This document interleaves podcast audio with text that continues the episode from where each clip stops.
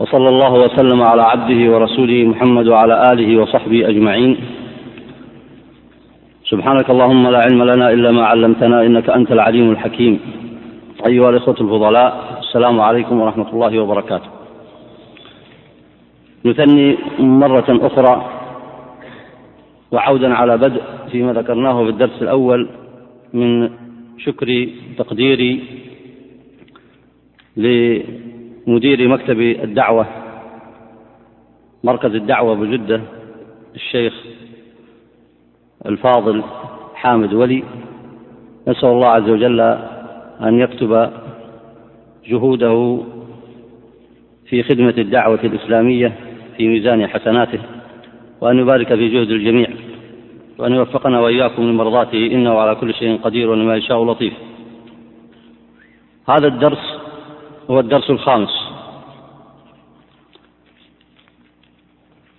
نقدم له بتمهيد ولعل من الممكن إن شاء الله أن ننتهي اليوم من مقدمة الإمام الشاطبي رحمه الله. وآخر نقطة فيها هو ما غلب على هاتين الصفحتين من الكشف عن منهجه في تأليف هذا الكتاب. وما تردد في نفسه وهو يؤلف وهو ينوي تأليف هذا الكتاب. ولا شك أن ما احتوته هذه الصفحات ينبغي أن يعنى به طلاب العلم. ذلك أن من أدب طالب العلم والعالم أنه إذا أقدم على شيء من العلم أو التأليف أو الكتابة أو في أي جهد من جهود الدعوة أن يكون له من النية الصالحة وأن يكون له من الإخلاص في طلب الأجر من الله عز وجل ما يكون له عونا على ما يسعى في تحقيقه.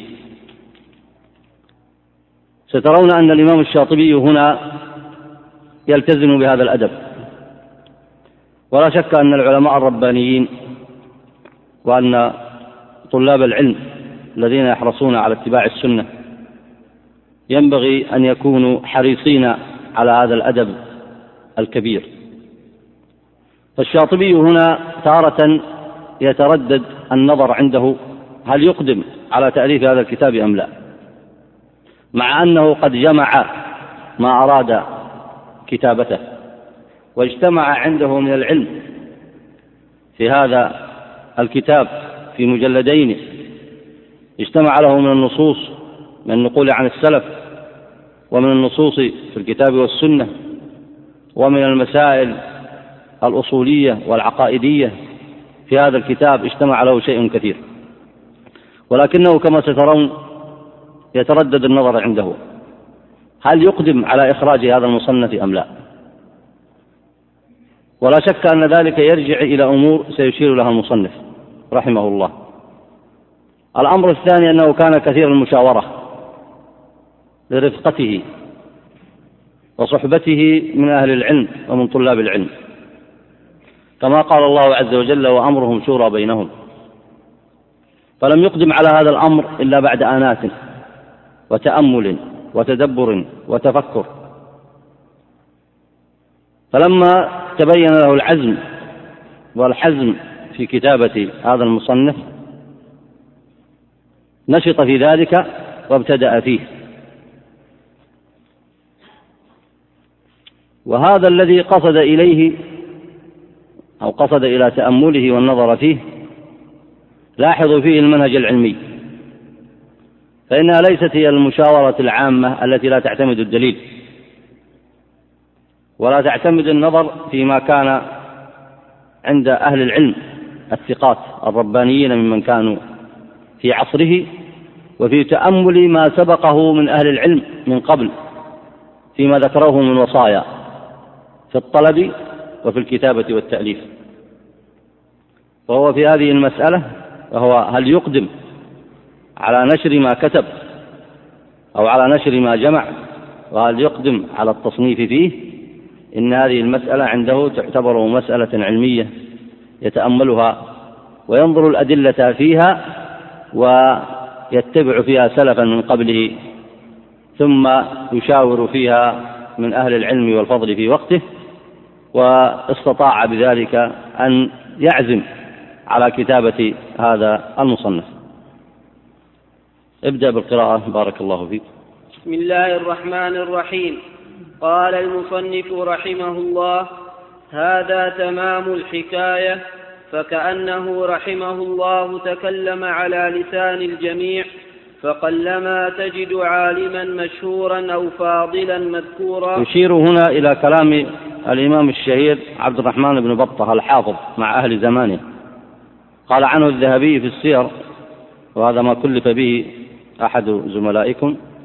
قال والشيخ الإمام المحدث المفيد الكبير المصنف أبو القاسم عبد الرحمن ابن محمد بن إسحاق بن مندة واسمه مندة إبراهيم ابن بطة واسمه مندة إبراهيم بن بطة العبدي الأصبهاني. ولد سنة 381 ومات سنة 470 وذكر ما كتبه عنه الإمام الشاطبي في الاعتصام. فهو إذن ليس عبد الله بن بطة وإنما هو عبد الرحمن ابن بطة حافظ أهل زمانه. والذي أشار إليه المصنف من إيراد هذا النص أن الداعية أو العالم إذا أقدم على أمر فلا بد أن يكون له من الصبر والثبات بحيث أنه يصبر حتى يصل إلى بلوغ ما يبتغيه من نشر الحق والهدى. فهو ذكر كلام عبد الرحمن بن بطة ليعزي نفسه ويصبر. فهو لما أراد أن يقدم على ما أقدم عليه وأن يؤلف هذا المصنف علم أن كثيرا من المخالفين سينصبون له العداء. فلذلك ذكر كلام عبد الرحمن بن بطة ليكون له في ذلك أسوة وقدوة. قال فقلما تجد عالما مشهورا أو فاضلا مذكورا إلا وقد نبذ بهذه الأمور أو بعضها. يعني أنه يتهم بالباطل وهذا مستقرأ في تاريخ هذه الدعوة الإسلامية. فحتى الأئمة الأربعة إذا درستم سيرهم ويطول الحديث في هذا تجد كل واحد منهم لقي مما يكره أمورا كثيرة ولكنهم صبروا واحتسبوا. وإذا تتبعت التاريخ بعد ذلك تجد شيخ الإسلام ابن تيمية وقصصه معروفة في الدعوة والصبر على البلاء. وإذا جئتم إلى التاريخ المعاصر تذكرون ما حصل للشيخ الإمام محمد بن عبد الوهاب من مخالفيه وما احتاج إليه من الصبر والثبات حتى بلغ دعوة الله عز وجل. وذلك مستقرأ في جميع العصور الإسلامية. اقرأ بارك الله فيك. فقلما تجد عالما مشهورا أو فاضلا مذكورا إلا وقد نبذ بهذه الأمور أو بعضها لأن الهوى قد يداخل المخالف بل, بل سبب الخروج عن السنة الجهل بها والهوى المتبع الغالب على أهل الخلاف. فإذا كان كذلك حمل على صاحب السنة أنه غير صاحبها. ورجع بالتشنيع عليه والتقبيح لقوله وفعله حتى ينسب هذه المناسب. هو يشير إلى أن المخالف سيحمله على مخالفته سببا وقد أشار إليها قبل ذلك. من يستطيع أن يشير إلى الموضع السابق؟ تفضل. الجهل ولا أحسن فين؟ في أي صفحة؟ سبق هذا في كلام المصنف. وإنما أراد أن يذكره هنا على سبيل التأكيد. من يذكر؟ أين سبق هذا؟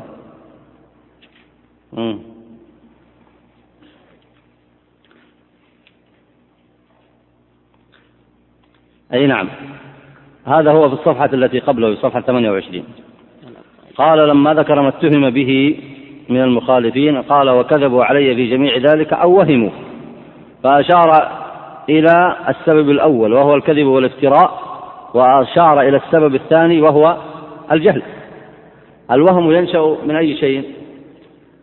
من الجهل والكذب ينشأ من أي شيء؟ من الافتراء. فكأنه يقول إن المخالف أن صاحب الحق محتاج ليصبر على هذين الأمرين فإنه إما أن يكذب عليه ويفترى وإما أن يخالفه المخالف بسبب جهله. أي نعم.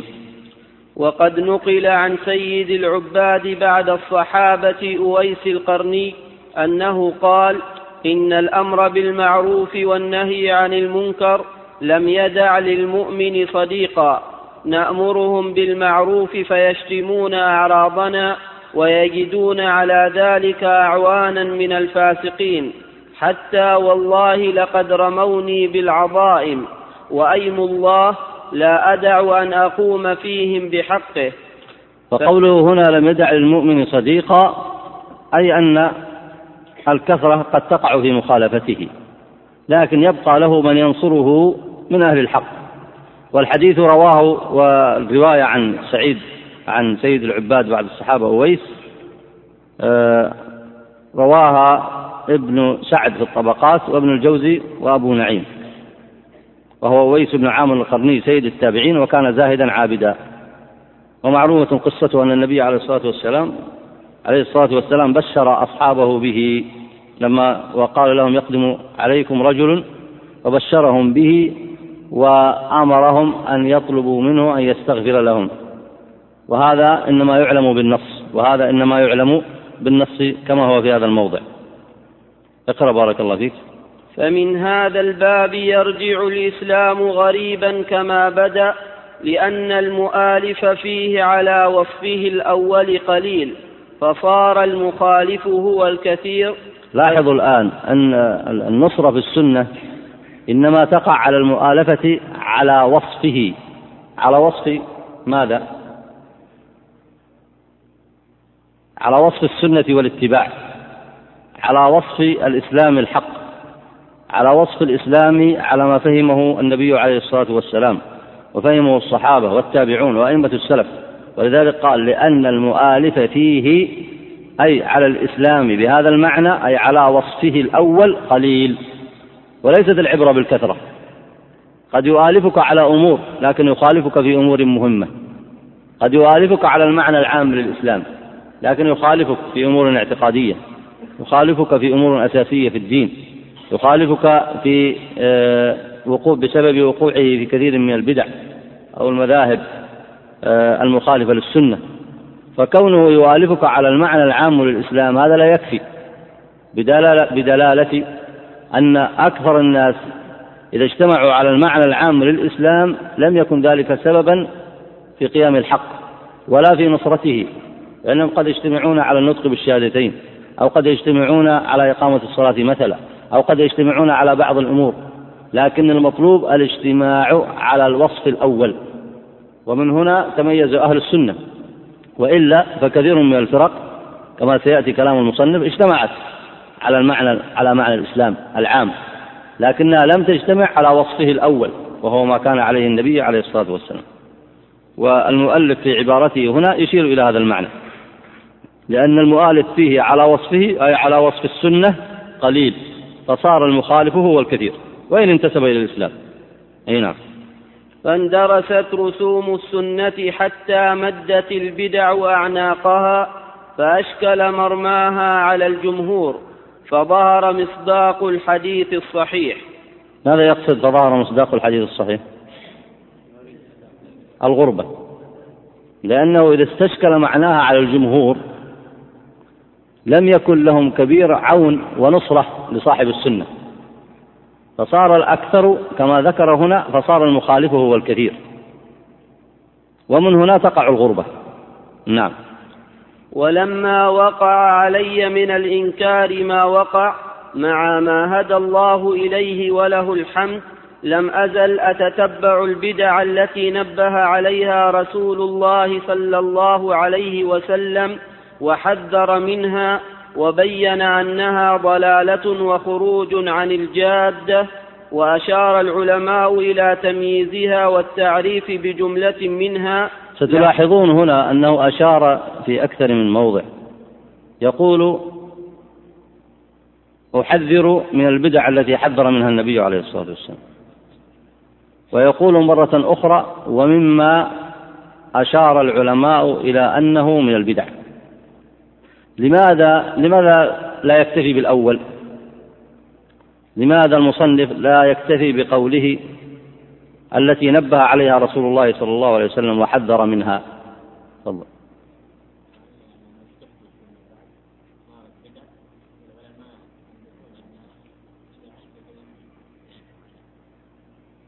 أي نعم قريب من هذا لكن الأمر يحتاج إلى إيضاح. قال وأشار العلماء إلى تمييزها والتعريف بجملة منها. لماذا يذكر هذا وهذا؟ هم؟ أي نعم.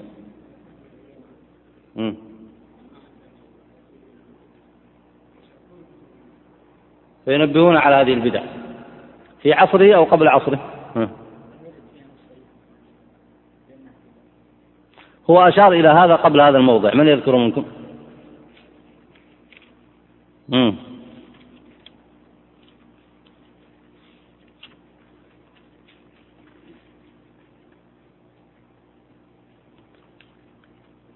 آه، ارجعوا إلى صفحة 25 قال ثم أطلب نفسي بالمشي مع الجماعة التي سماها رسول الله صلى الله عليه وسلم بالسواد الأعظم في الوصف الذي كان عليه هو أصحابه.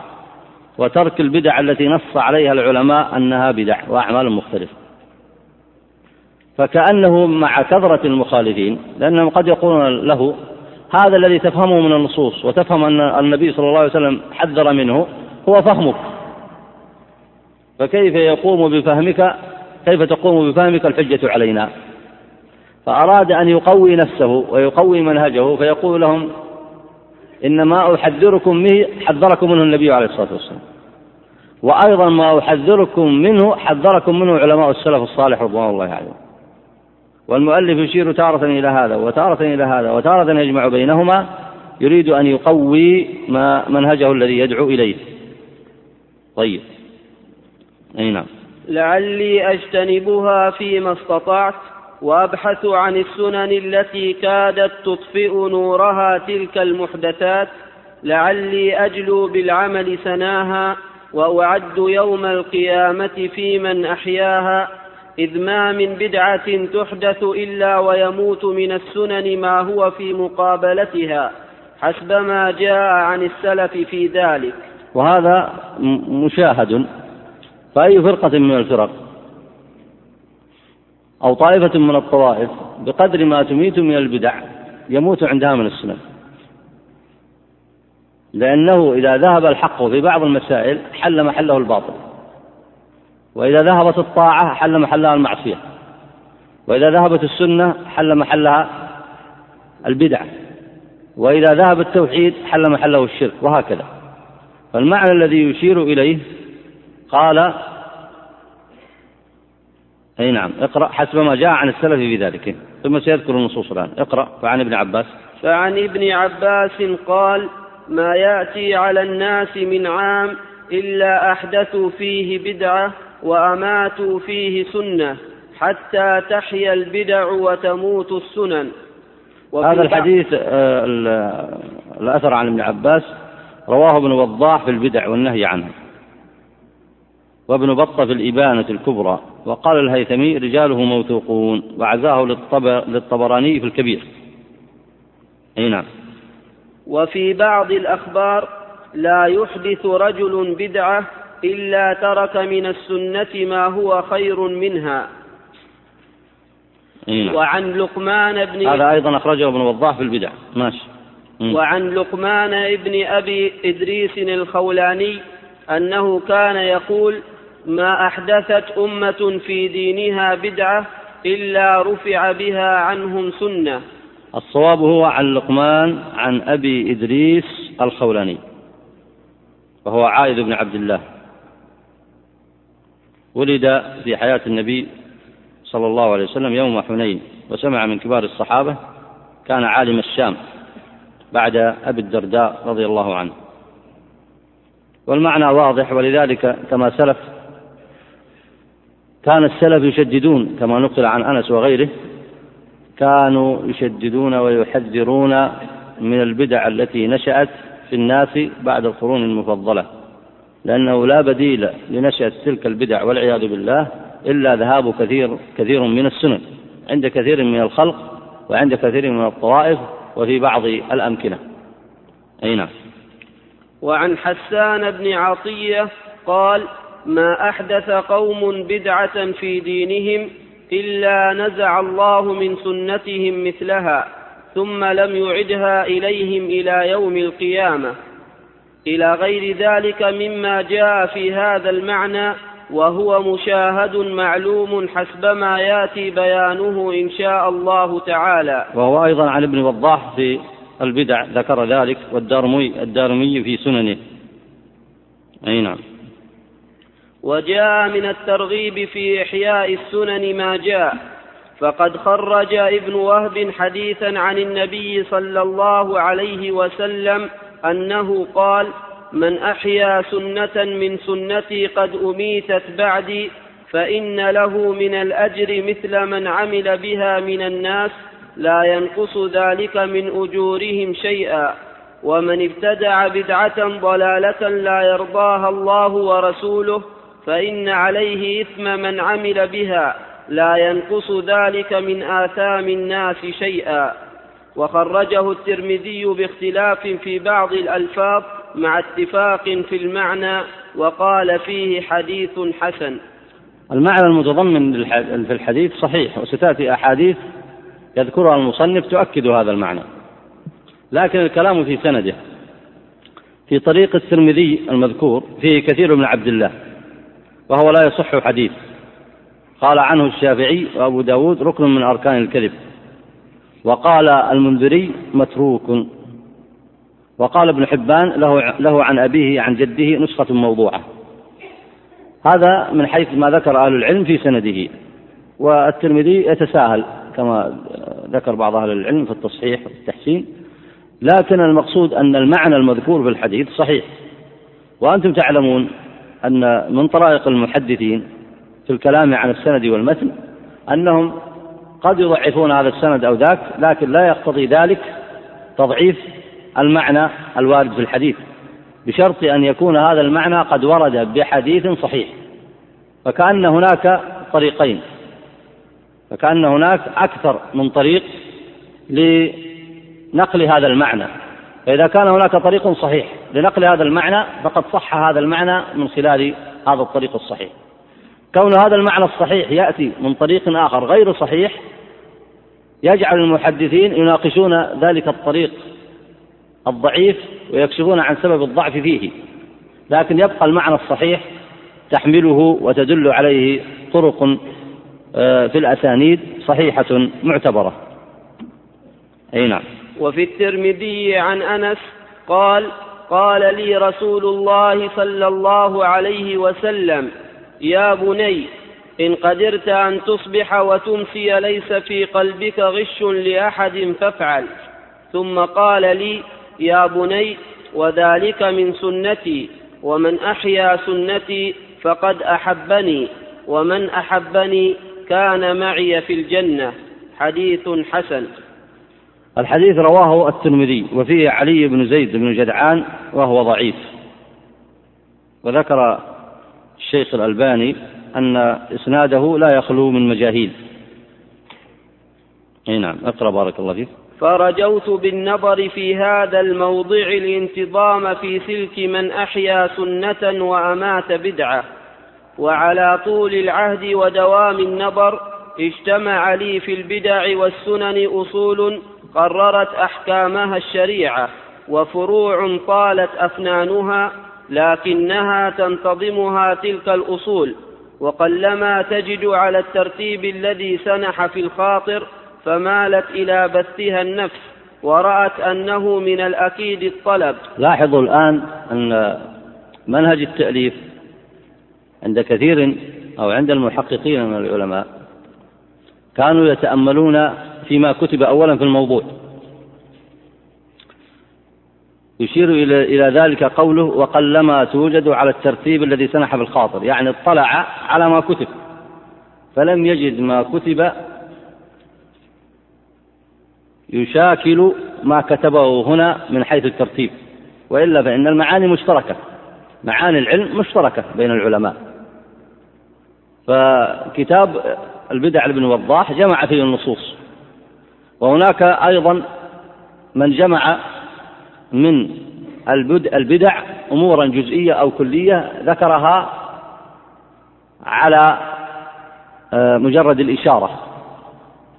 ويشير هو إلى أنه درس كيف تتحقق الغربة من حيث وقوع هذه البدع ثم ربط بين بعضها البعض وأشار إلى المناهج المخالفة في ذلك لمنهج السلف. واجتهد بحسب قدرته في هذا الباب. وهذا الاجتهاد منه محمود. فعلى هذه الطريقة التي كتب بها هذا الكتاب فعلا من حيث تتبع ما كتب عن البدع يبقى هذا الكتاب متميزا في هذا الباب من حيث أنه كتاب مجموع درس فيه مسائل كثيرة متعلقة بموضوع البدع والفرق. فهذا منهج في التأليف قوي عند المحققين لا يلتفت إلى التأليف إلا بعد أن ينظر فيما كتب. أي نعم. لما فيه من رفع الالتباس الناشي بين السنن والبدع لأنه لما كثرت البدع وعم ضررها واستطار شررها ودام الإكباب على العمل بها والسكوت من المتأخرين على الإنكار لها وخلفت بعدهم خلوف جهلوا أو غفلوا عن القيام بفرض القيام فيها. صارت كأنها سنن مقررات وشرائع من صاحب الشرع محررات فاختلط المشروع بغيره فعاد الراجع إلى محض السنة كالخارج عنها كما تقدم فالتبس بعضها ببعض فتأكد الوجوب بالنسبة إلى من عنده فيها علم. يعني الآن ظهر له بعد التتبع أنه يجب عليه أن يكتب هذا الكتاب وأن الأمر في حقه ليس بمستحب فقط بل يجب عليه أن يشرع في إقامة الحجة وكتابة هذا الكتاب. ولاحظوا هنا أن الذي حمله على ذلك أولا رغبته في الانتظام في سلك من أحيا سنة وأمة بدعة. الأمر الثاني رغبته في رفع الالتباس عن الناس. في هذا الأمر الذي كثرت فيه البدع وعم ضررها واستطار شررها. لكن ما الذي يحدد هذا؟ قد يختلف الناس. فيقول أنت يا الشيخ الشاطبي في عصرك ليس الأمر كذلك. من أين لك أن البدع عم ضررها واستطار شررها؟ ودام الإكباب على العمل بها. أليس هناك من العلماء المتأخرين في عصره من سكت عن ذلك فلماذا لا يسكت كما سكتوا؟ ولا شك أن هؤلاء العلماء المتأخرين الذين كان الذين في عصره كانوا لا يرون أن هذه من البدع. فمن الذي يحدد أن العصر في حاجة إلى هذا البيان؟ ولذلك من الأسئلة التي وردت سؤال ما الذي تقصده بالمتأخرين؟ الذي يقصده الشاطبي بالمتأخرين أو الذي يقصده أهل العلم إذا أطلقوا هذا اللفظ يقصدون المتأخرين من العلماء في القرون المتأخرة. ويريدون بذلك الإشارة إلى منهج في النظر فيما يكتبه المتأخرون فيجعلونه على قسمين. منهم من تابع السنة واتبع السلف الصالح في بيان الاعتقاد الحق ومحاربة البدع وبيان معنى التوحيد وبيان أصول الإسلام والحذر من البدع المحدثات فهؤلاء من المتأخرين هم الذين على منهج السلف الصالح. وعلمهم علم وثيق متين لأنهم اتبعوا فيه الدليل واتبعوا فيه الوصف الأول الذي أشار إليه الإمام الشاطبي. وهؤلاء كثير في الأمة والحمد لله. الصنف الثاني رضوا بأن يفهموا الإسلام فهما يتناسب مع واقع الأكثر في العصور المتأخرة. فإذا كانت انتشرت البدع وقد أشرت إلى هذا في الدروس الماضية لكن لا بأس من التذكير به. فإذا انتشرت البدع مثلا عند القبور جاء كثير من المتأخرين فلم يروا ذلك بدعة ودافعوا عنه. فعلم هؤلاء المتأخرين ليس بعلم صحيح وإن قرأوا الكتب وإن صنفوا فيها وإن انتصبوا للناس أيضا. لأن كثيرا من هؤلاء هم الذين يدافعون عن البدع ويدافعون عن الأهواء. فهؤلاء المتأخرون هنا في عصر الإمام الشاطبي لا يرون أن الأمر محتاج إلى ذلك لكن ما الذي يحدد أن الأمر محتاج إلى البيان العام؟ ومحتاج إلى محاربة هذه البدع؟ أو أن الأمر لا يحتاج؟ من الذي يحدد؟ نعم. أحسنت. الذي يحدده أهل السنة والذي يحدد أتباع السنة والقائمون في الحق والعلماء الربانيون أصحاب العزائم الذين يتحملون مهمتهم في ذلك فيعلمون فيعلمون ويؤمنون ويعملون ويدعون إلى الله عز وجل على بصيرة ويصبرون على الأذى في ذلك. أما إذا نظر في منهج التجديد إلى ما عليه أكثر المتأخرين فإذا لا يقوم لمنهج التجديد قائمة لأن أكثرهم والغربة كما أشار الإمام الشاطبي الغربة في أهل الإسلام بين أهل السنة والبدعة كذلك الغربة بين علماء السنة وغيرهم. فإن علماء السنة غرباء وقليل ويتفاوت تتفاوت أحوالهم بين زمن وزمن كثرة وقلة. فالذي ينظر في تصحيح الواقع هم هؤلاء لأنهم معهم الحجة ومعهم البيان ومعهم الدليل. وهم قائمون على الوصف الأول الذي كان عليه النبي عليه الصلاة والسلام. ولو استسلم الشاطبي لما يقوله أكثر المتأخرين من عدم إنكار ذلك لما صنع شيئا. أي نعم. وقلما صنف فيها على الخصوص تصنيف وما صنف فيها فغير كاف في هذه المواقف. لاحظ يقول فغير كاف. ما جاء لمصنفات الآخرين وقال هذا لا يصلح وهذا فيه كذا وهذا فيه كذا وأنا سأكتب كتابا لم يط... آه... لم تنظر في مثله عين أو سأكتب كتابا لم يكن من قبله مثله أو نحو ذلك مما يعظم به كتابه وإنما أشار إلى أن التصانيف التي سبقت ليست على ترتيبه من حيث الترتيب وإلا فإن العلم مشترك وأيضا ليست كافية وكأنه يشير أنها وإن لم تكن كافية لكن فيها خير كثير. وما كتب عن النهي عن البدع لا شك أن تلك الكتب فيها فوائد عظيمة وهي التي ينقل منها الإمام الشاطبي بل هي أصل كتابه. ولكنه يقول أنها ليست بكافية يعني أن هناك مسائل أخر تحتاج إلى تحرير وإلى بيان. أي نعم. مع أن الداخل في هذا الأمر اليوم فاقد المساعد عديم المعين فالموالي له يخلد به إلى الأرض ويلقي له باليد إلى العجز عن بث الحق بعد رسوخ العوائد في القلوب والمعادي يرميه بالأردبيس ويروم أخذه بالعذاب البئيس. الدردبيس. صحح بدل الأردبيس الدردبيس.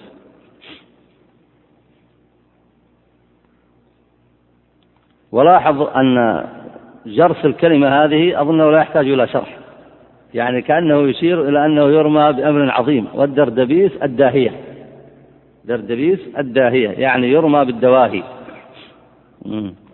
ويروم أخذه بالعذاب البئيس. اقرأ. لأنه يرد عوائده الراسخة في القلوب المتداولة في الأعمال دينا يتعبد به وشريعة يسلك عليها. لعل الأقرب لأنه يرى. يعني هذا المخالف يرى عوائده التي نشأ عليها. المتداولة في الأعمال دينا يتعبد به وشريعة يسلك عليها. لا حجة له إلا عمل الآباء والأجداد. هنا نعم. لا حجة له إلا عمل الآباء والأجداد مع بعض الأشياخ العاملين. العالمين. مع بعض الأشياخ العاملين العالمين. كانوا من أهل النظر في هذه الأمور أم لا؟ ولم يلتفتوا إلى أنهم عند موافقتهم للآباء والأشياخ مخالفون للسلف الصالح. فالمتعرض لمثل هذا الأمر ينحو نحو عمر بن عبد العزيز رضي الله عنه في يعني العمل. يعني يقصد الطريق نحى نحوه أي قصده يعني كأنه يسلك في طريق المجددين وأشار إلى واحد منهم وهو عمر بن عبد العزيز رضي الله عنه. أي نعم. حيث قال ألا وإني أعالج أمرا لا يعين عليه إلا الله قد فني عليه الكبير وكبر عليه الصغير وفصح عليه الأعجمي وهاجر عليه الأعرابي حتى حسبوه دينا لا يرون الحق غيره. الله المستعان. يعني يشير إلى أن فهم الإسلام عند كثيرين أصبح فهما غير صحيح. ثني عليه الكبير وكبر عليه الصغير وفصح عليه الأعجمي. يعني إذا دخل الأعجمي دخل على هذا المعنى. وتعلم الإسلام على هذا المعنى غير الصحيح. وهاجر عليه الأعرابي حتى حسبوه دينا لا يرون الحق غيره. ولا شك أن الشاطبي لما أشار إلى ذلك أراد أن يثبت نفسه ويقويها. ولاحظوا هنا أنه أشار إلى أصناف من الناس. فصنف يواليه. وهذا في قوله فالموالي له يخلد إلى الأرض. ثم الصنف الثاني المعادي.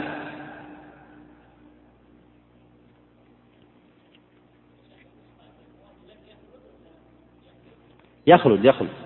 فالموالي له يخلد به إلى الأرض. لا خطأ. لا خطأ. فالموالي له يخلد به إلى الأرض. صحح النسخة اللي عندك. لا يستقيم المعنى إلا بهذا. فالموالي له يخلد به إلى الأرض. يعني يشتكي الآن هو. يقول أنه فقد المساعد والمعين. ولعلك تقول, له لماذا؟ ألم تجد أناسا يوافقونك على ما تقول؟ فكأنه يقول لكم نعم وجدت.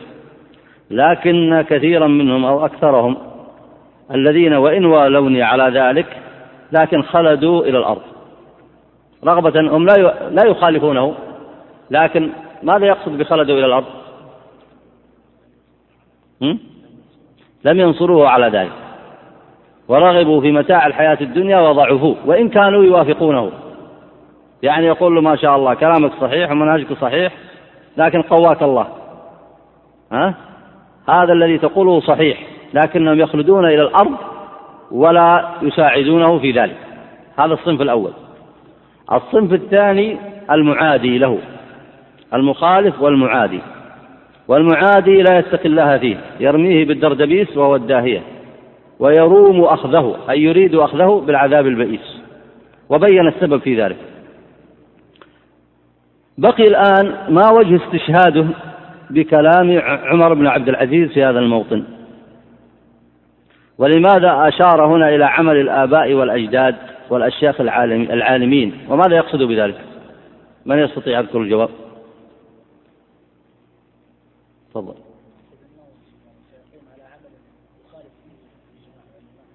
نشأ عليه الكبير ثني عليه الكبير ونشأ عليه الصغير. يعني لما وجد ونشأ الشاطبي في ذلك العصر وجد أن تلك العوائد المخالفة للسنة راسخة في أهل العصر. متى رسخت هذه؟ لما ثني عليها الكبير ونشأ عليها الصغير وفصح عليها الأعجمي وهاجر عليها الأعرابي. هذا قصده بالآباء والأجداد. طيب قصده بالأشياخ العالمين.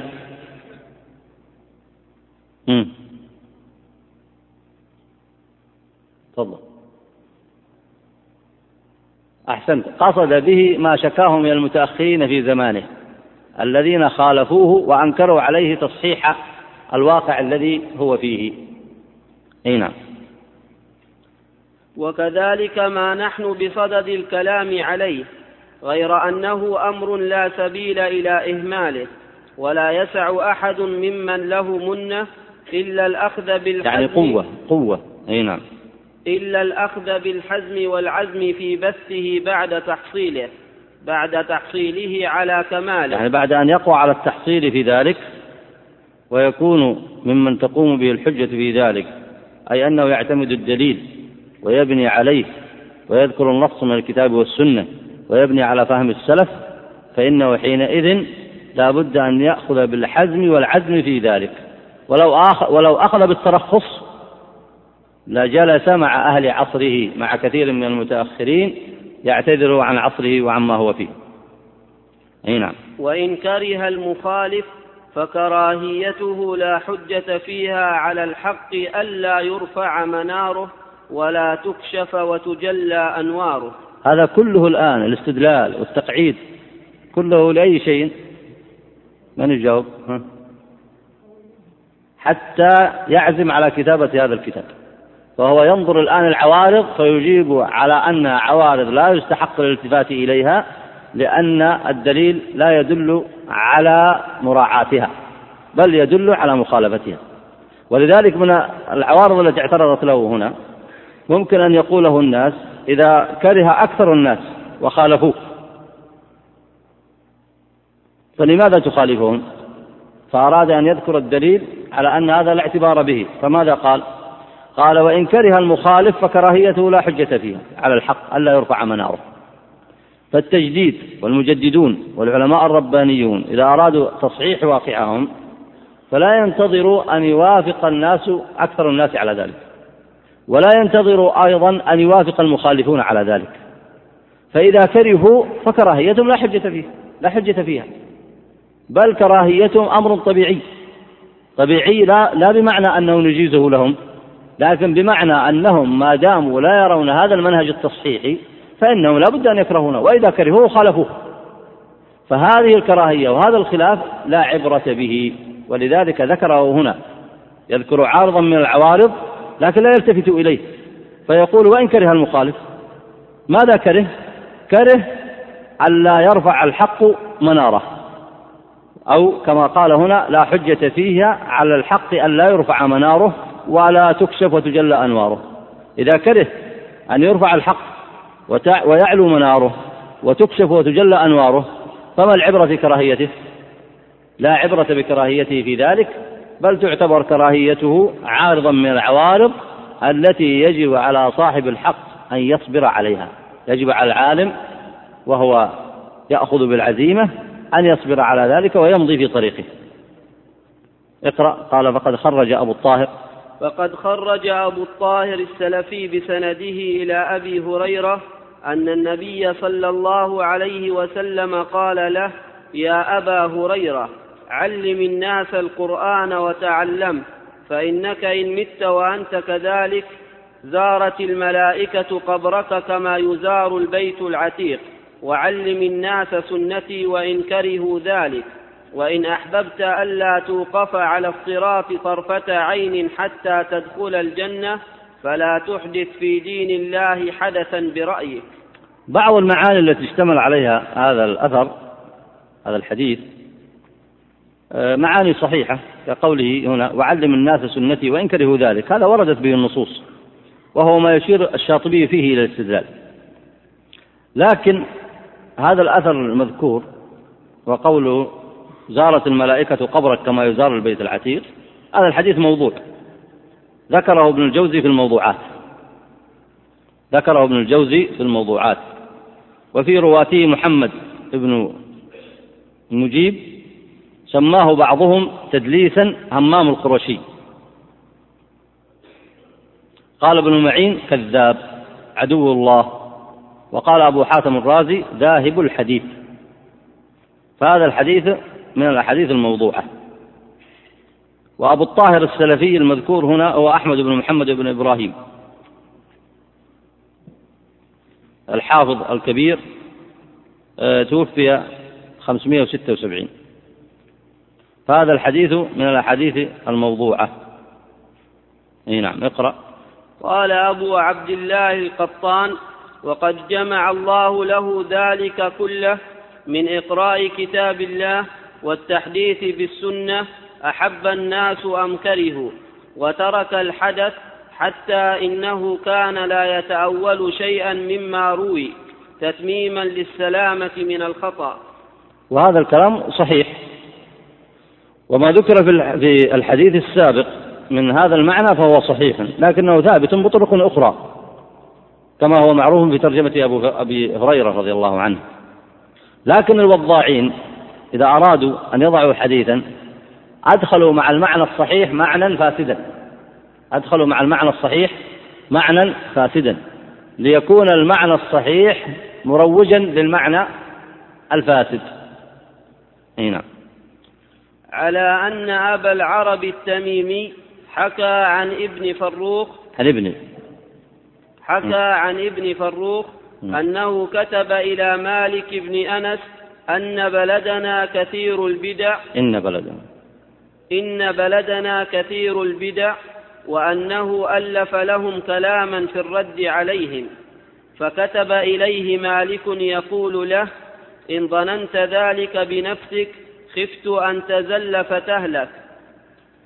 لا, لا يرد عليهم إلا من كان ضابطا عارفا بما يقول لهم لا يقدرون أن يعرجوا عليه فهذا لا بأس به. وأما غير ذلك فإني أخاف أن يكلمهم فيخطئ فيمضوا على خطئه أو يظفروا منه بشيء فيطغوا ويزدادوا تماديا على ذلك. هذا ذكره القاضي عياض في ترتيب المدارك عند ترجمته لابن فروخ وهو أبو محمد بن عبد الله الفارسي. آه، فقيه فقيه وقته وولد آه، عام مئة وخمسة عشر ولقي أبا حنيفة والثوري وتوفي عام 175 الشاطبي هنا لما ذكر ما سبق أراد أن يشير أن الأدلة التي ذكرها فيما سبق توجب عليه أن يعزم على كتابة هذا الكتاب. أراد أن ينقل قولا لمالك بن أنس أنه نهى ابن فروخ لما كتب له قال إن بلدنا كثير البدع. وذكر أنه ألف كلاما للرد عليهم فنهاه مالك عن ذلك. لماذا نهاه الإمام مالك عن ذلك؟ تفضل.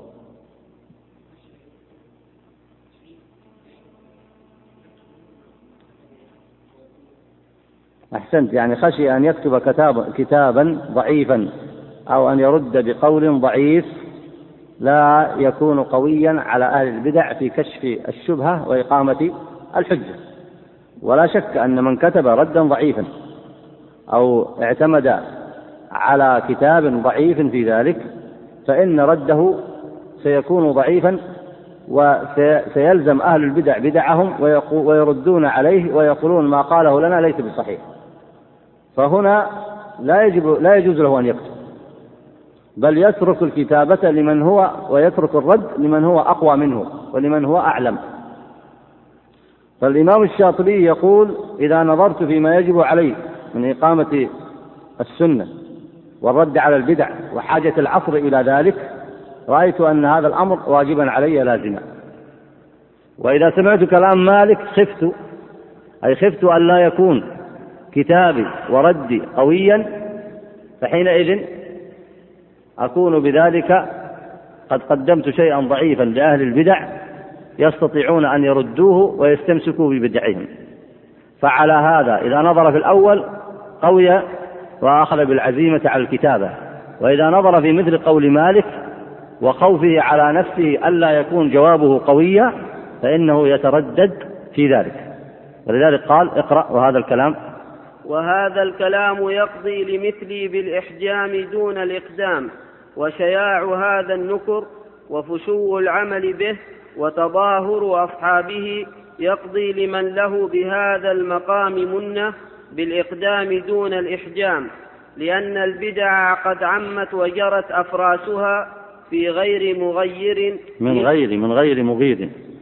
ملء عنتها هذا مثلا عند العرب تشير إليه إلى أن إذا بلغ الأمر مداه قالوا جرت أفراسها من غير مغير ملء أعنتها. يعني كأنها ذهبت أو ذهب أهل البدع في قولهم كل مذهب. أي نعم.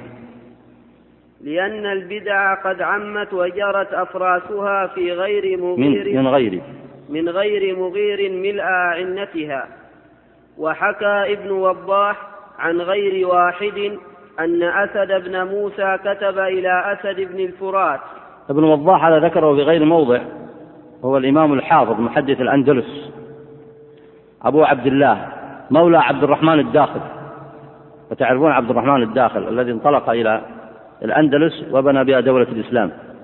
ولد عام 199 كان ورعا زاهدا عالما بالحديث وطرقه وعلله صبورا على نشر العلم. من كتبه البدع المنهي عنها. والقطعان كما ستأتي إشارة المصنف إليه. وله أيضا كتاب العباد والعوابد. توفي عام 287 إي نعم. اعلم يا أخي. هذا هنا ينقل رسالة أسد بن موسى وهو أسد بن موسى ابن إبراهيم الأموي يقال له أسد السنة ولد عام 132 وكان حريصا على السنة شديدا على أهل البدع. توفي 212 ولاحظوا أن منهج الشاطبي الآن يحوم حول أمثال هؤلاء لكي يتقوى بهم. ومن أراد نصر السنة فلا بد أن يكون بين أهلها. وأما المكتوب له قال هنا أن أسد بن موسى كتب إلى أسد بن الفرات. أسد بن الفرات هذا هو مقدم المجاهدين وهو القاضي العلامة الأمير أبو عبد الله الحراني. ولد بحران عام 144 هجرية. وروى الموطأ عن الإمام مالك. توفي عام 213 فسيذكر هذه الرسالة التي كما سترون يؤكد فيها أسد بن موسى بن إبراهيم الأموي. عندما كتب إلى أسد بن الفرات ينصره ويؤكد ما قام به في نصرة السنة. اقرأ بارك الله فيك.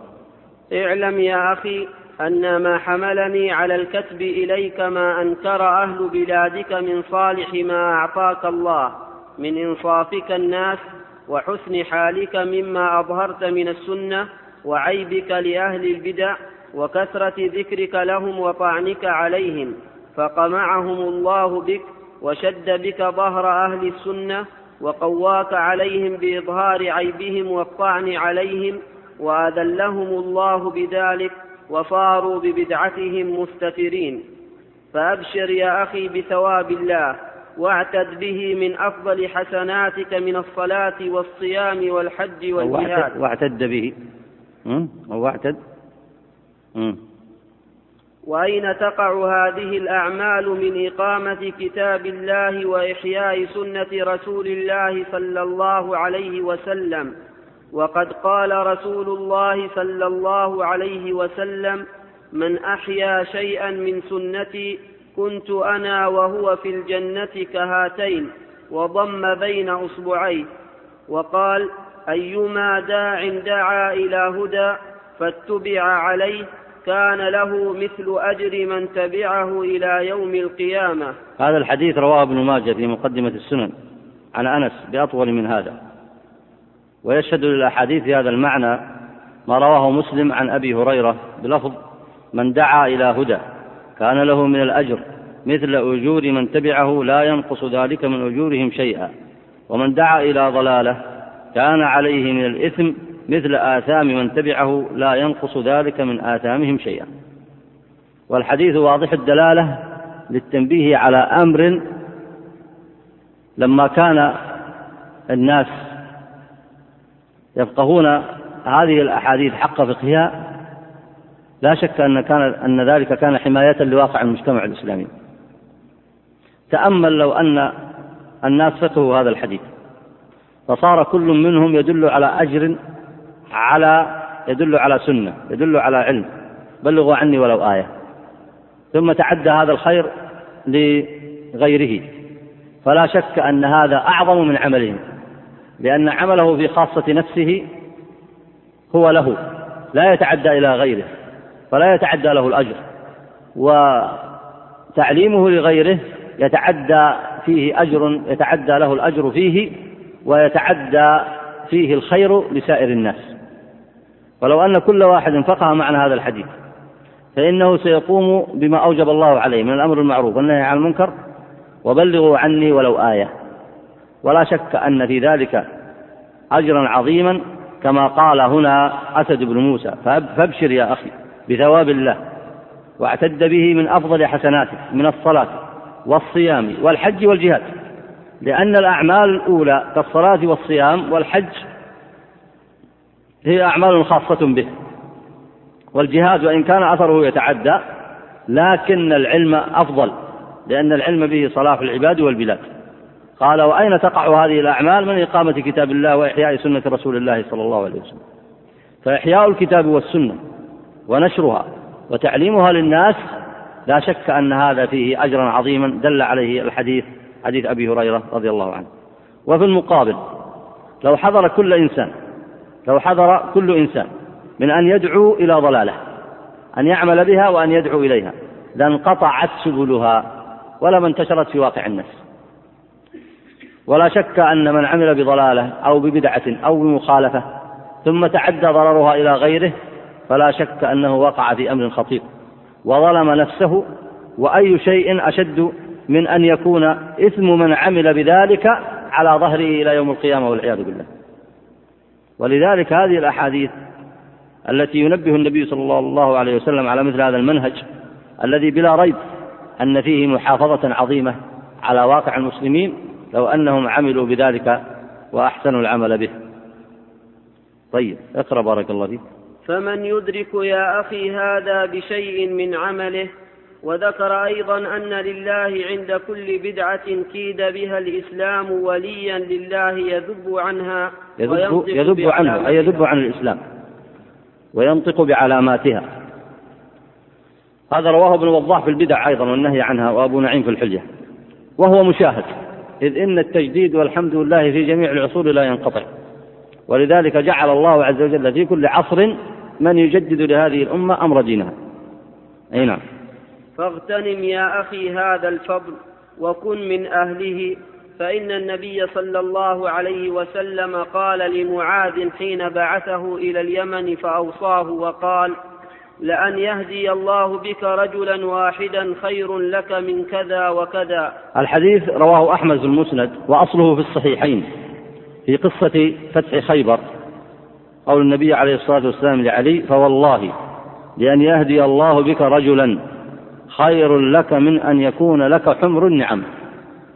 خير لك من أن يكون لك حمر النعم. أي نعم. اقرأ بارك الله فيك. وأعظم القول فيه فاغتنم ذلك وادع إلى السنة حتى يكون لك في ذلك ألفة وجماعة يقومون مقامك إن حدث بك حدث فيكونون أئمة بعدك فيكون لك ثواب ذلك إلى يوم القيامة كما جاء الأثر. لاحظوا بارك الله فيكم. لو أن كل صاحب علم وطالب علم كان له صحبة وكل عالم كان له أصحاب فما أكثر العلماء؟ وأن تكون صحبتهم وألفتهم على مثل هذه المعاني العظيمة. فلاحظوا قوله فادعوا فاغتنم ذلك وادعوا إلى السنة حتى يكون لك في ذلك ألفة أي قوم تألفهم وجماعة يقومون مقامك إن حدث بك حدث فيكونون أئمة بعدك. وهذا الذي جرى عليه شأن السلف الصالح. فإن العلماء ما زال لهم طلاب علم وأصحاب حتى عرف أن هؤلاء أصحاب الشافعي وأن هؤلاء أصحاب أحمد وأن هؤلاء أصحاب مالك وهم كلهم من أهل السنة والحمد لله. وكذلك في بقية علماء السلف. فبهذا قاوي أهل السنة على نشر الحق. وعلى إقامة الكتاب والسنة فإن بها صلاح العباد والبلاد. أي نعم. فاعمل على بصيرة ونية حسنة فيرد الله بك المبتدع والمفتون الزائغ الحائر. اعمل على بصيرة أي على علم وعلى نية حسنة أي خالصة. لا تقصد بذلك وجه الناس ولا تقصد بذلك الرياء ولا تقصد بذلك السمعة.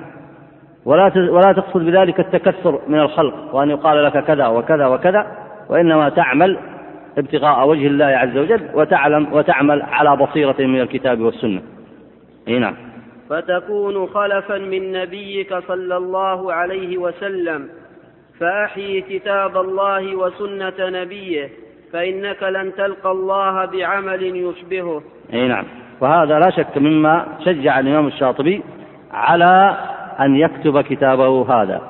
وهذا هذه الرسالة بين هذين العالمين الجليلين آه، نقلها ابن وضاح في كتابه البدع والنهي عنها. أي نعم.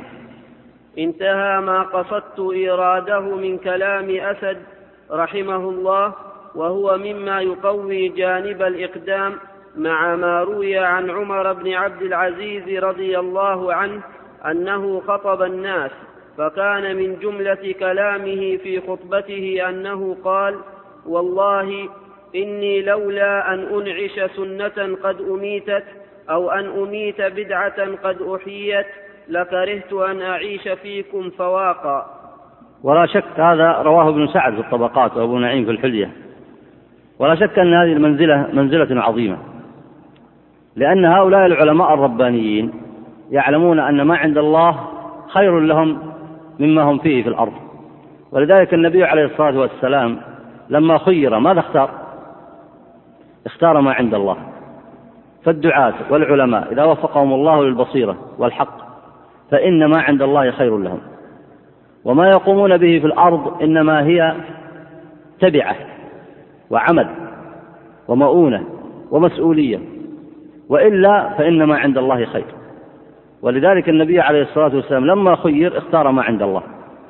وهذا هو شأن الصحابة. كانوا يعملون ويجاهدون ويصبرون على الأذى ويتحملون أشياء كثيرة. لكن كانت قلوبهم عند ربهم. ينتظرون متى يستريحون ويذهبون إلى الله عز وجل. ولا يعني هذا أنه لن تتحقق مقاصدهم في الأرض من إقامة الحق ونصرة الشريعة وإقامة الجهاد في سبيل الله. كلا بل تحققت مقاصدهم. لكن فرق بين أن يتعلق قلبك بهذه المقاصد وبين أن يتعلق قلبك بما عند الله عز وجل. فإنه إذا تعلق قلبك بهذه المقاصد قد تضعف أو قد لا يتحقق بعضها فيصيبك في ذلك الضعف والخور. وقد تغفل فتصبح هذه المقاصد هي نصب عينيك مع أنها هي مقاصد شرعية. ولا شك أن أنها من الواجبات. وهي من الأمور المشروعة الواجبة التي لا يقوم أمر الإسلام إلا بالعمل لها. لكن في شدة الابتلاء وفي كثرة الأهواء وفي قلة المعين والمساعد إذا ارتبط قلبك بها ونسيت ما عند الله من الأجر والمثوبة فقد تضعف. ولذلك علق يا عبد الله قلبك بما عند الله عز وجل. وتأملوا هذه الحكمة البديعة من عمر بن عبد العزيز.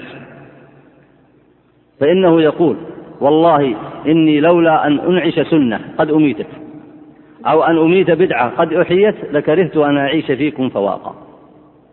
فإذا ليس قلبه متعلق بالأرض وليس قلبه متعلق بالدنيا وليس قلبه متعلق بالتكثر من الخلق وإنما له مقصد إن تحقق فالحمد لله وإن لم يتحقق فلا يكره أن يلقى ربه سبحانه وتعالى.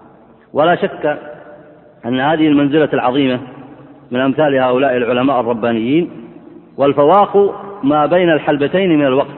انظروا كيف اختصر الحياة والحياة في حقيقتها أشبه بذلك. الفواق هو الوقت القصير الذي بين الحلبتين. لما يحلب الإنسان ناقة أو شاة فإذا توقف ثم عاد يحلب الوقت الذي بين هاتين الحلبتين يشبه الدنيا به. فيقول كرهت أن أعيش فيكم مقدار هذا الوقت. لولا أن أعيش لهذا الأمر وهو نصرة الإسلام وإقامة الشريعة وإقامة الحجة ونشر العلم وإقامة السنة. إيه نعم. وخرج ابن وضاح في كتاب القطعان. هذا الكتاب في الحديث له لابن وضاح. إي نعم. حديث الأوزاعي أنه بلغه عن الحسن أنه قال لن يزال لله نصحاء في الأرض من عباده يعرضون أعمال العباد على كتاب الله فإذا وافقوه حمدوا الله وإذا خالفوه عرفوا بكتاب الله ضلالة من ضل وهدى من اهتدى فأولئك خلفاء الله. وفيه عن سفيان قال أسلكوا هو سفيان بن عيينة. نعم. اسلكوا سبيل الحق ولا تستوحشوا من قلة أهله. فوقع الترديد بين النظرين. ثم إني أخذت في ذلك مع بعض كلام سفيان بن عيينة رواه ابن نعيم في الحلية. ولاحظوا الآن أنه اجتمع له ما يشجعه على كتابة هذا الكتاب. ولاحظ استعماله الأدلة الشرعية التي تؤكد عليه القيام بهذا الواجب. يعني ما فرح أن عنده كتاب مليء بالآيات والأحاديث وبدراسة أمور الفرق ومعلومات كثيرة عن البدع ما فرح بذلك مباشرة فقال أكتبه وأطبعه وأنشره. بل يتأمل ماذا يتوجب عليه في حقه. أيقوم بهذا الذي وفقه الله إليه واجتمع له في صدره فيكتبه وينشره أم أنه يترك هذا على غيره من علماء الإسلام؟ فترجح له بالأدلة التي سبقت وهي كثيرة أنه يجب عليه أن يأخذ بالعزم والحزم في ذلك ويكتب هذا الكتاب. ونظر في كلام مالك لبعض أصحابه فتخوف ألا تكون كتابته كتابة مناسبة في الموضع قوية في مثل هذا الباب. فما زال يذكر من الأخبار ومن سير الصالحين ويذكر من أقوالهم ما ينظر فيه ويتأمل. ثم عاد بعد ذلك يعرض ما عنده على أصحابه ويشاورهم. أي نعم اقرأ. ثم إني أخذت في ذلك مع بعض الإخوان الذين أحللتهم من قلبي محل السويداء وقاموا لي في عام السويداء هي حبة القلب يعني أصحابه الذين يحبهم هذه المحبة العظيمة. أي نعم. وقاموا لي في عامة أدواء نفسي مقام الدواء. وهذه الصحبة النافعة أن تصحب قوما يأمرونك بالمعروف وينهونك عن المنكر ويناصحونك ويكشفون بعض أدوائك ويضعون لك الدواء. هذه الصحبة النافعة. أما من لا ينفعك بمثل ذلك فلا حاجة لك في صحبته. أي نعم. فرأوا أنه من العمل الذي لا شبهة في طلب الشرع نشره. نشره و... نشره ولا إشكال في أنه بحسب الوقت من أوجب الواجبات.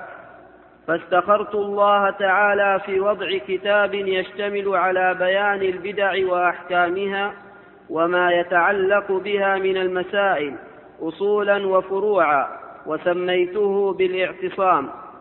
والله أسأل أن يجعله عملا خالصا.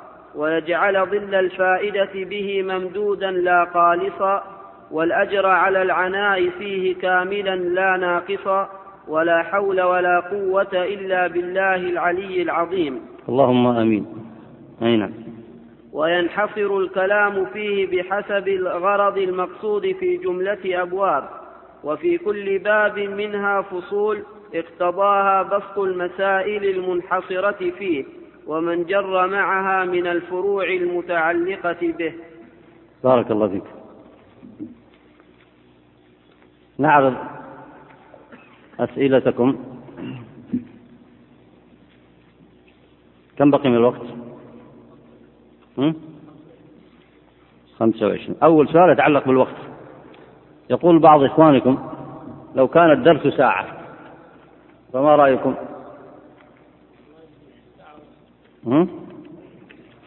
ولا ساعة ونصف ولا ساعة؟ مم. اللي بساعة ونصف يرفع يده مشكورا نعم. طيب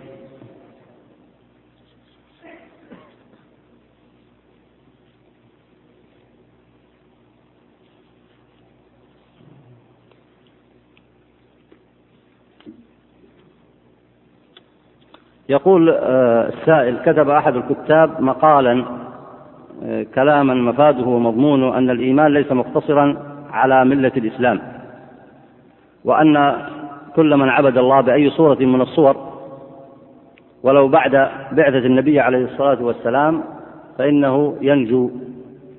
وقصده إذا عبد الله على أي صورة من الصور أي على أي دين من الأديان المنسوخة. وهذا آه، يحتاج إلى جواب وتدريب أيضا للطلبة على الجواب. ومن يكتب جوابا علميا يلتزم فيه بالمنهج العلمي الصحيح ويفند فيه هذا الرأي. مم. طيب. خلاص بارك الله فيك. تكتب خلاص أكتب.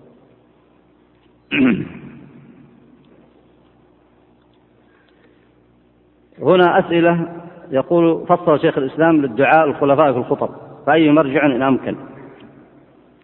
وأيضا مسألة تتعلق بالدعاء الخلفاء الراشدين في الخطب وأيضا سؤال أين ذكر ابن تيمية الكلام على الدعاء الخلفاء المتقدمين؟ ومثل هذا المعنى نرجو ذكر مصدر كلام شيخ الإسلام في مسألة الدعاء الخلفاء. هذه المسألة التي ذكرها الشاطبي من باب التدريب لكم على المنهج العلمي لأن الإنسان ينبغي أن لا يأخذ الكلام كلاما عاما بل يدرب نفسه على البحث والعلم. فأنا رجعت لكم إلى بعض المراجع المتخصصة في هذا الموضوع ولكم أيضا أن تراجعوها. وأملي عليكم هذا فمن لم يستطع أن يكتب يرجع إلى الشريط فيما بعد. مسألة الدعاء للخلفاء. من المعلوم أن الدعاء المطلق للخلفاء والمجاهدين والمرابطين وللمسلمين الأموات منهم والأحياء. وكذلك لولاة الأمور من أهل السنة مشروع بالصفات الواردة في الكتاب والسنة وهي كثيرة. ولعل مما يؤكد هذا قول الله تعالى والذين جاءوا من بعدهم أي هذا هو شأنهم شأن المسلمين. والذين جاءوا من بعدهم يقولون ربنا اغفر لنا ولإخواننا الذين سبقونا بالإيمان ولا تجعل في قلوبنا غلا للذين آمنوا ربنا إنك غفور رحيم. ولذلك لا بد أن تفهموا كلام الشاطبي حتى لا يقول قائل عنه أنه يرى أن الدعاء لا ينفع لأنهم في عصره ماذا قالوا؟ قالوا يرى أن الدعاء لا ينفع. وما أشبه, وما أشبه ذلك من الدعاء بالهداية والصلاح والتمكين والنصر ولا ريب أن الإكثار من ذلك مشروع وأن يكون ذلك خالصا لوجه الله بعيدا عن الرياء والسمعة. هذا بالنسبة للدعاء المطلق. حكم الدعاء المقيد في الخطبة على صفة مخصوصة وبطريقة ملتزمة. الشاطبي بحث الأول ولا الثاني؟ بحث الثاني. الكلام عند الشاطبي رحمه الله في الدعاء المقيد في الخطبة على صفة مخصوصة وبطريقة ملتزمة. ولذلك لما قالوا له أنت تنكر الدعاء تنكر فائدة الدعاء ظلموه في ذلك. ذكر العلماء أن الخطبة أركانا وواجبات وسننا ثم اختلفوا في الدعاء في الخطبة. القول الأول أن الالتزام أن الالتزام به وهذا ما ذكره الشاطبي والصمود له في كل خطبة. لم يرد عن السلف الصالح. وممن ذكر أن الالتزام بالدعاء على وجه الدوام والصمود له. أنتم إذا راجعتم الكتاب تذكرون كلام أصبغ. قال يدعو للمجاهدين والغزاة؟ قال عند الحاجة وأكره أن يصمد له. إيش معنى أكره أن يصمد له؟ أن يستمر فيه فيظن الناس أنه في حكم الإلزام. وفي حكم الشرط وفي حكم الوجوب. وممن ذكر ذلك وممن ذكر أن الالتزام بالدعاء لهم على وجه الدوام والصمود له في الخطب غير مستحب ذكر ذلك من التابعين عطاء. قال بأنه محدث. وقال به القاضي من الحنابلة. والعز بن عبد السلام من الشافعية. طبعا الأول مذكور في المغني. لابن قدامة الجزء الثاني 230 وكلام العز بن عبد السلام مذكور في الفتاوى له صار 48 وأيضا ذكره أصبغ الشاطبي من المالكية وهذا مذكور في الاعتصام. وذكر الشيخ الألباني أن الالتزام بذكر الخطباء للخلفاء والسلاطين في الخطبة الثانية بالتنغيم من بدع الخطب ذكر ذلك بالأجوبة النافعة صاد خمسة وستين. فلاحظوا الآن البحث منصب على هذا المعنى. القول الثاني أن ذكرهم والدعاء لهم مستحب. ذكره ابن قدامة في المغني. ونقل فعله عن أبي موسى رضي الله عنه. قال كان إذا خطب حمد الله وأثنى عليه وصلى على النبي صلى الله عليه وسلم يدعو لعمر وأبي بكر وأنكر عليه ضبة البداية بعمر. أنكر عليه أحد أهل العلم البداية بعمر. قيل الدعاء لأبي بكر قبل الدعاء لأبي بكر. ورفع ذلك إلى عمر فقال أنت أوثق منه وأرشد. يعني عليه أن يبدأ بأبي بكر ثم بعد ذلك يبدأ يثني بعمر رضي الله عنهما. وذكر هذا الأثر شيخ الإسلام في منهاج السنة. الجزء الرابع صاد 156 قال ابن قدامة طبعا هذا الأثر أنا ما خرجته لكن ذكر شيخ الإسلام وذكره أيضا ابن قدامة. قال ابن قدامة ولأن سلطان المسلمين إذا صلح كان فيه صلاح لهم ففي الدعاء له دعاء لهم وذلك مستحب غير مكروه. وقال النووي ذكره عنه آه، جامع الفتاوى الشيخ محمد بن القاسم النجدي قال قال النووي الدعاء لأئمة المسلمين وولاة أمورهم بالصلاح والإعانة على الحق ونحو ذلك مستحب بالاتفاق. بقي النظر في موضع النزاع إذن. ما هو موضع النزاع؟ والمتأمل في موضع النزاع يجد أن ما ذكره شيخ الإسلام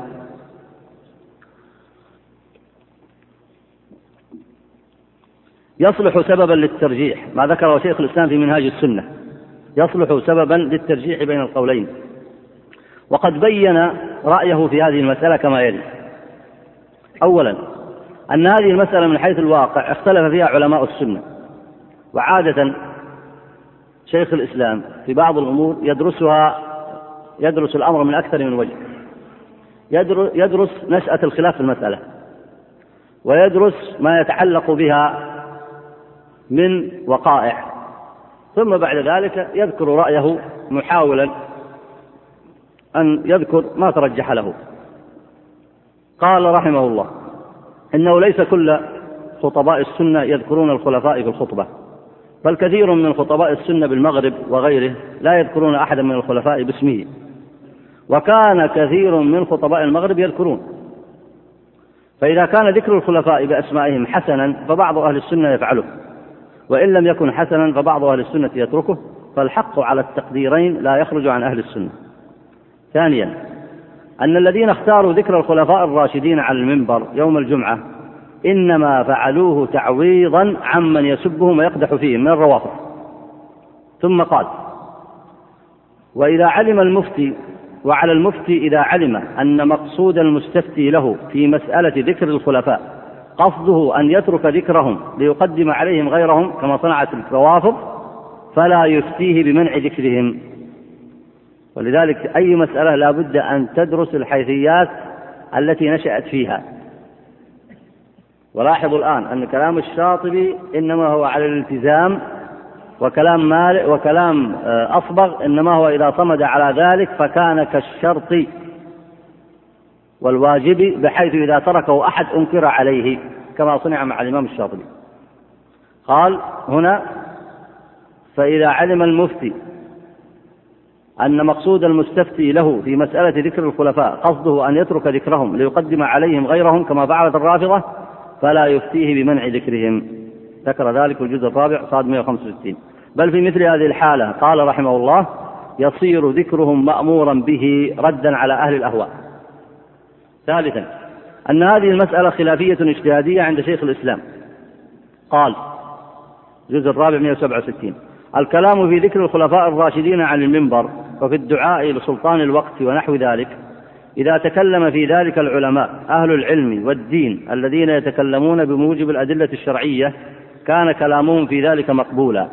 وكان للمصيب منهم أجران وللمخطئ أجر على فعله من الخير وخطأه مغفور له.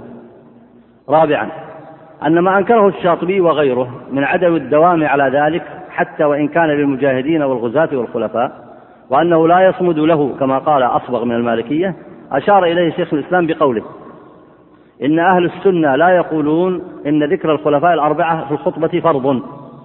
ويقول أيضا ولو ترك الخطيب ذكر الأربعة لم ينكر عليه. وبهذا يتبين أن شيخ الإسلام ابن تيمية أوسع من درس هذه المسألة وبين أسباب الخلاف فيها وأنه لا ينكر على المخالف فيها ولا يرى المداومة على الدعاء وذكر الخلفاء حتى يشبه الواجب بل بل يقتصر في ذلك على قدر الحاجة كما بين ذلك في الرد على الرافضة عندما طعنوا في أبي بكر وعمر وعثمان رضي الله عنهم أجمعين. فلأهمية هذا الأمر وحتى لا يظن بالإمام الشاطبي عندما قال ما ذكره في الكتاب حتى لا يظن به ظنا غير صحيح ويقال فيه كما قال آه، كثير من المتأخرين في زمنه يرى أن الدعاء لا ينفع أحببت أن أفصل لكم القول في هذه المسألة. هذا سائل يقول ما هي الكتب التي ينصح التي ننصح طالب العلم المبتدئ بها من كتب العقيدة؟ يمكن هنا ذكر بعض الكتب منها شرح الأصول الثلاثة لابن قاسم النجدي وأيضا شرح الأصول الثلاثة للشيخ ابن عثيمين. ثم بعد ذلك يتدرج يقرأ كتاب قرة عيون الموحدين شرح كتاب التوحيد للشيخ عبد الرحمن بن حسن آل الشيخ. وهناك أيضا كتاب 200 سؤال في العقيدة للشيخ حافظ الحكمي.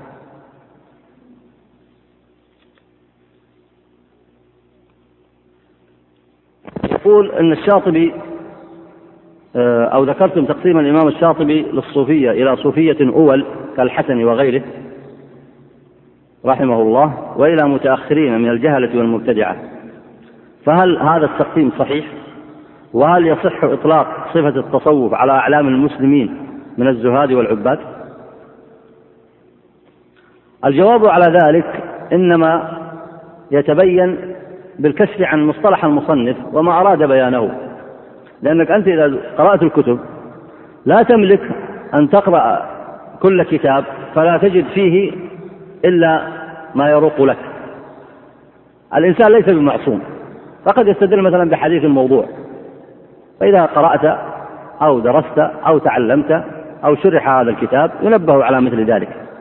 هذا المصطلح خاص بالمصنف. قبل أن نقول أصاب أو أخطأ لا بد أن نسأل عن مقصده في ذلك. ماذا قصد بهذا المصطلح؟ في وقته كان للتصوف كما ذكر كان له غلبة وانتشار.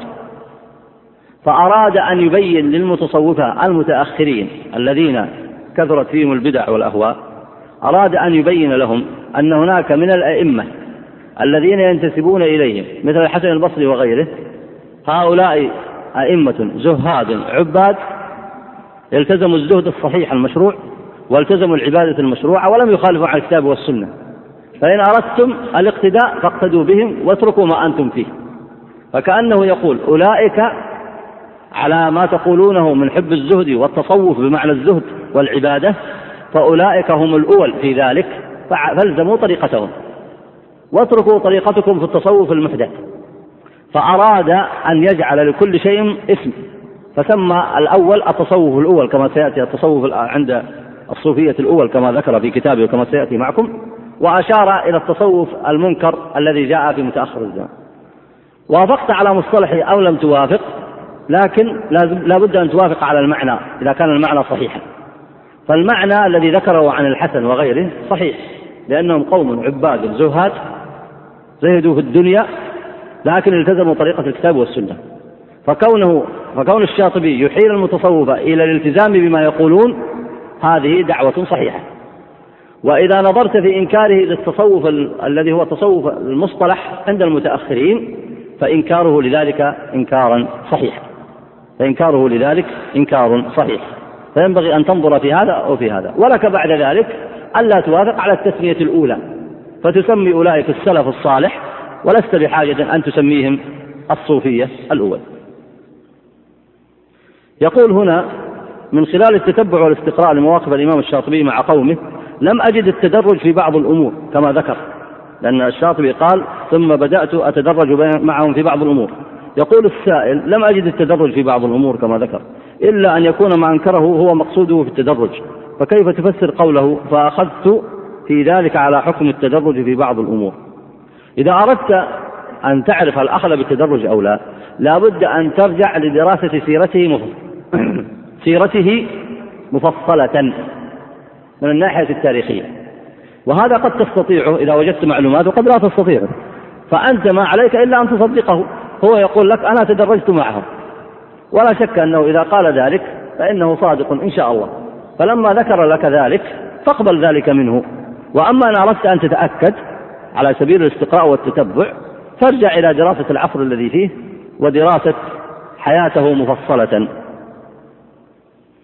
هذا يسأل يقول آه، أخبركم أني أحبكم في الله أحبك الله فيما أحببتني فيه. ويقول وأرجو وأنا لست متعصبا لأحد وأريد أن أتعلم منهج السلف الصالح ثم يذكر آه، عمن يأخذ علمه. لعل ما ظهر في المقدمة يدلك على أن العلم ينبغي أن يؤخذ عن أهله المتحلين به. العالمين العاملين المتبعين له على الوصف الأول.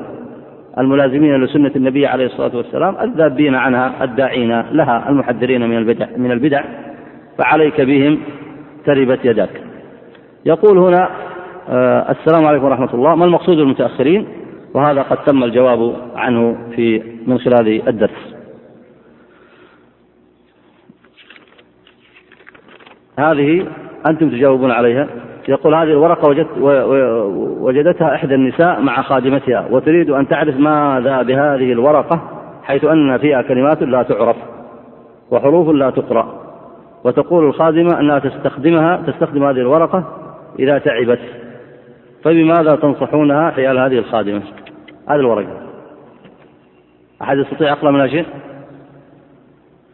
هذه طبعا الخطوط ظاهر فيها مذكور فيها بعض الآيات والأحاديث ومذكور فيها رموز ورقوم كثيرة. 3900 وكذا 1600 وكذا أرقام متعددة حوالي عشر أرقام. أيضا مذكور فيها آه، نجوم. مذكور فيها ألفاظ لا تقرأ. يعني اسمحوا لي أقرأ لكم. يا حلطح يا جملح كذا. وأظنكم عرفتم الآن ماذا فيها. هذه بعض ألفاظ السحر تستخدم على مثل هذا المنوال. فعليه أن يعلمها ويربيها ويأتي لها ببعض الأشرطة التي تتناسب مع لغتها ويأخذها بالحكمة والموعظة الحسنة ويتألفها على السنة ويعلمها الصواب حتى ترجع عما هي فيه. هذا وأسأل الله عز وجل لي ولكم التوفيق والسداد وأصلي وأسلم على عبدي ورسوله محمد وعلى آله وصحبه أجمعين.